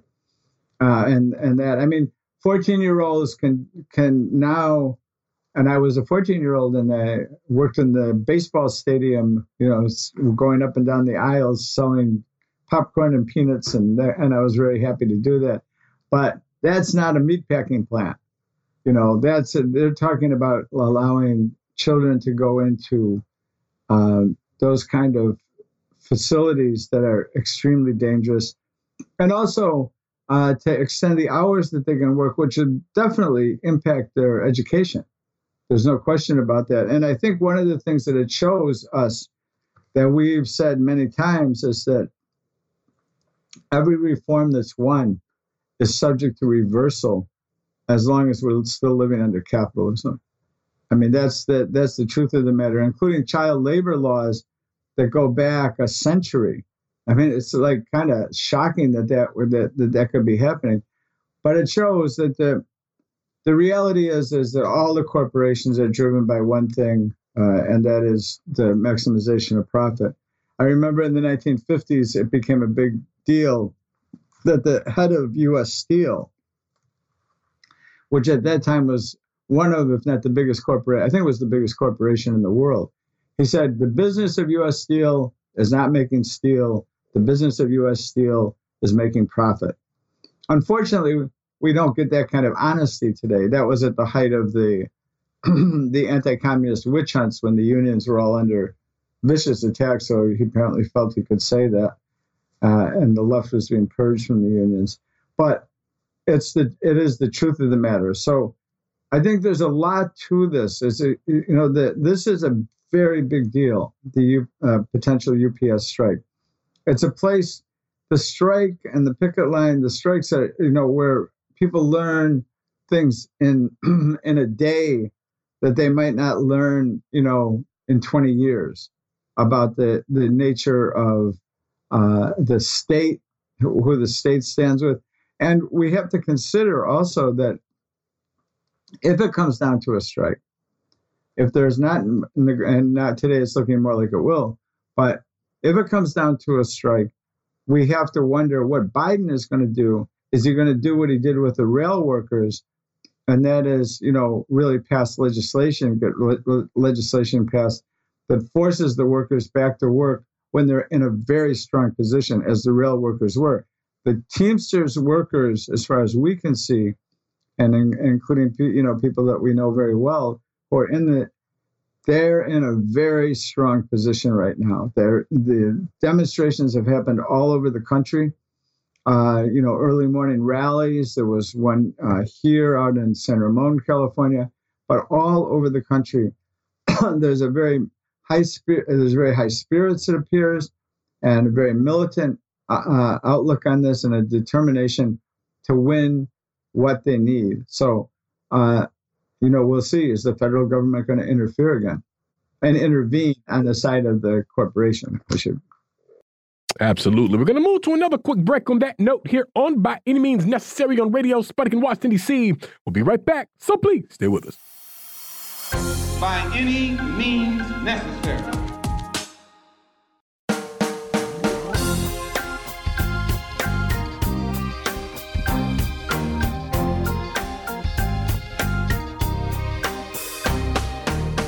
Welcome back to By Any Means Necessary on Radio Sputnik in Washington, D.C. I'm your host, Sean Blackmon, here with Jacquie Luqman. And as always, we are your guide for connecting the political social, and economic movements shaping the world around us.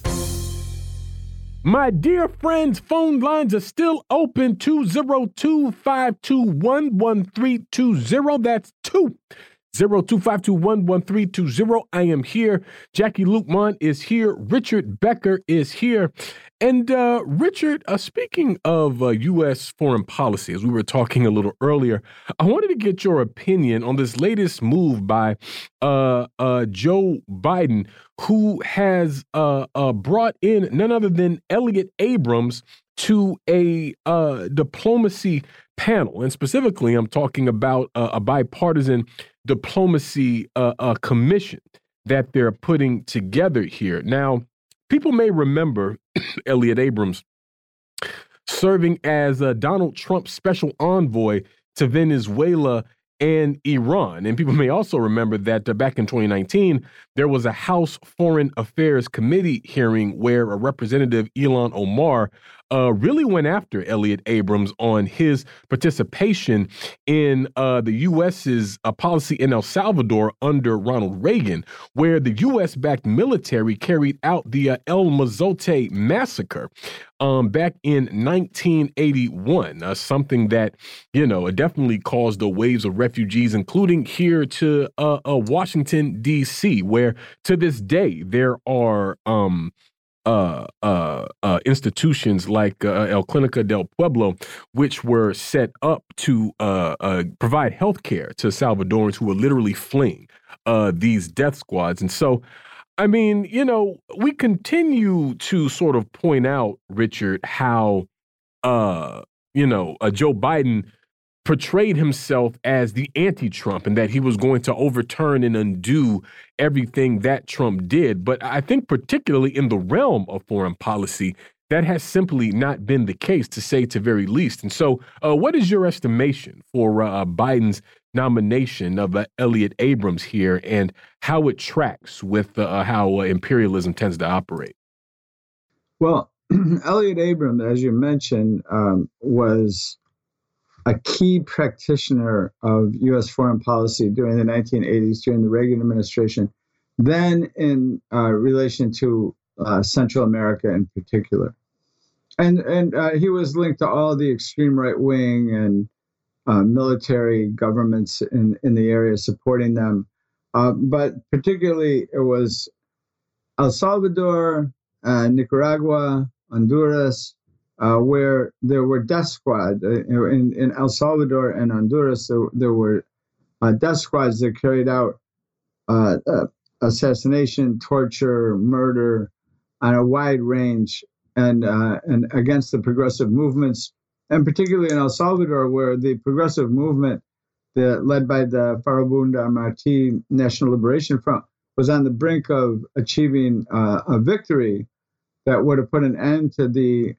uh, to the rule by 14 families in El Salvador, and opened the way for a new El Salvador, where the uh, people's El Salvador, um, that was blocked by the United States. It was only massive U.S. aid and uh, and that that prevented that victory. In Honduras, the death squads were uh, very active in um, torture, murder against progressives who were uh, part of the movement in the very strong movement in Central America. In Nicaragua, uh, where Abrams also his his uh, fingers are also there.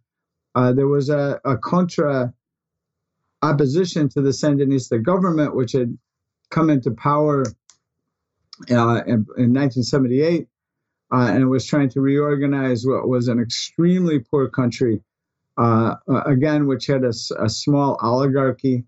Of course, they weren't called oligarchs. That's only those are reserved for only one country in the world we know, but they were the oligarchy, and um, and uh, they were overthrown by the Sandinistas, by a popular movement, and the U.S. funded these Contras. And the Contras' policy was to go out into the countryside where the Sandinistas were building schools for the first time, health clinics, um, and and uh, t- torture and murder teachers in front of the students, torture and murder uh, uh nurses and doctors who were in the um, who were in the clinics that were being built. They had no program. The Contras, the counter-revolutionaries had no program except destruction. And and uh, this was Elliott Abrams was very much tied to them, and uh, who was a conduit for uh, the, uh, the this whole counter-revolutionary movement in Central America, which was effective in finally uh, you know, bringing an end to the war in El Salvador without a victory, uh, and the uh, the defeat of the Sandinistas in the in the 1990 election that took place in uh, in Nicaragua. Uh, the Sandinistas would return to power later under somewhat different circumstances and remain so today. But and for El Salvador in particular, the war was waged by the government and by the death squads uh, the death squads were linked to the military, and the military and the death squads were linked to Washington. And Elliott Abrams was a key uh, figure in, in all of that, which did lead, as you were referring to, to a massive um, uh, uh, uh departure from the country of hundreds of thousands and Salvadorans who came to the United States, you know, seeking uh, to to escape from the the death squads and from the war, uh, and that set in motion a whole series of events uh, that led to, uh, with the defeat of the revolution, to the rise of uh, the gangs in El Salvador, and and really, you know, just a, an awful outcome for the people of that country of, of their country who had you know had such high hopes in the early 1980s. You know, William Blum, the late William Blum, wrote a book called Killing Hope, and Killing Hope, and he referred to many many instances where since World War II, revolutions and progressive governments have been destroyed by the United States. And uh, one of the main people who carried out that kind of policy in Central America was Elliott Abrams. So the idea that Biden has now named him, I mean, that that shows you what Biden is.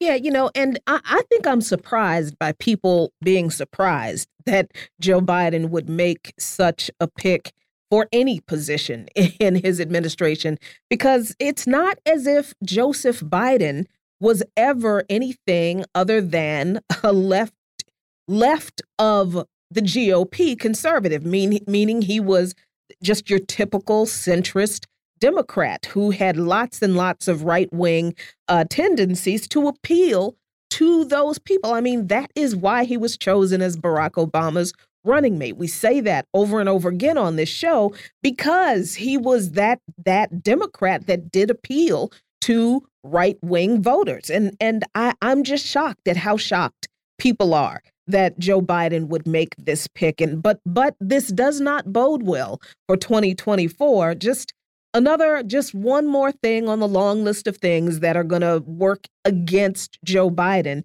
in the upcoming election, Richard. And I I just don't see it ending up well for Joe Biden. Yep. you know, it's uh from Strom Thurmond, from his relationship with Strom Thurmond, to his guiding Clarence Thomas to uh, to uh, appointment to the Supreme Court. Every war in between, there's you know Joe Biden has been there. So what you say, and there's so much more to say. I mean, he's now you know he, he used to be called the senator from DuPont when DuPont controlled uh, Delaware. Now he's called by some the uh, he was called the senator from credit cards uh, because credit Delaware became the home base of credit card or uh, so many credit card companies because of the way the laws are there. And he was the one who, you know, uh, made it played a key role in making it impossible to declare bankruptcy in regard to student loans. I mean, he's you're absolutely correct, Jacquie, that he's his his his present anything he does in the present shouldn't be surprising. Any of these reactionary things shouldn't be any surprise given his history. Yeah, that's a fact. And um, this actually resonates, Jacquie, with what we often say about uh, how the Democrats and Republicans are, are, more alike than they are different. And that is most obvious when it comes to issues of foreign policy. If there's one thing that you can uh, uh, bet your bottom dollar that uh, uh the ruling class duopoly will be in lockstep on, it's on war. What they may disagree on are the targets at that moment, but uh, uh, even still, they both recognize this as a part of their class project. Uh, you know what I mean? And so, that being the case, when, when we understand and see how imperialism plays out um, to the benefit of both our uh, national and the international ruling class, we know then that by its very nature, it must be against the interest of the overwhelming majority of poor, working, and oppressed people wherever we may find them on this earth. And this is why we always make it a point to highlight the class issue whenever we discuss this or just about uh, uh, any other uh, issue because when when we consider that we're living under a capitalist system where the wealth that we generate uh, flows into the pockets of the wealthy elite, then it's important that we be clear just how this system operates against our own interest and really against the interest of life on this planet as we know it. Speaking of climate change and speaking of the uh, catastrophic potential of the nuclear war that the U.S. is really cruising for uh, in in a number of ways in this very uh, dangerous and reckless way. And so, this is why I often say that uh, we have to build a mass people's working class movement really to pull humanity back from the brink of oblivion. And and as extreme as that sounds, when we look at how the ruling class is moving, it's clear that it's absolutely necessary. But we're going to leave it there for today here on By Any Means Necessary on Radio Sputnik in Washington, D.C. Want to thank Richard Becker so much for joining us today. Be back tomorrow with an all new episode. So as always, we'll see you next time. Peace. by any means necessary.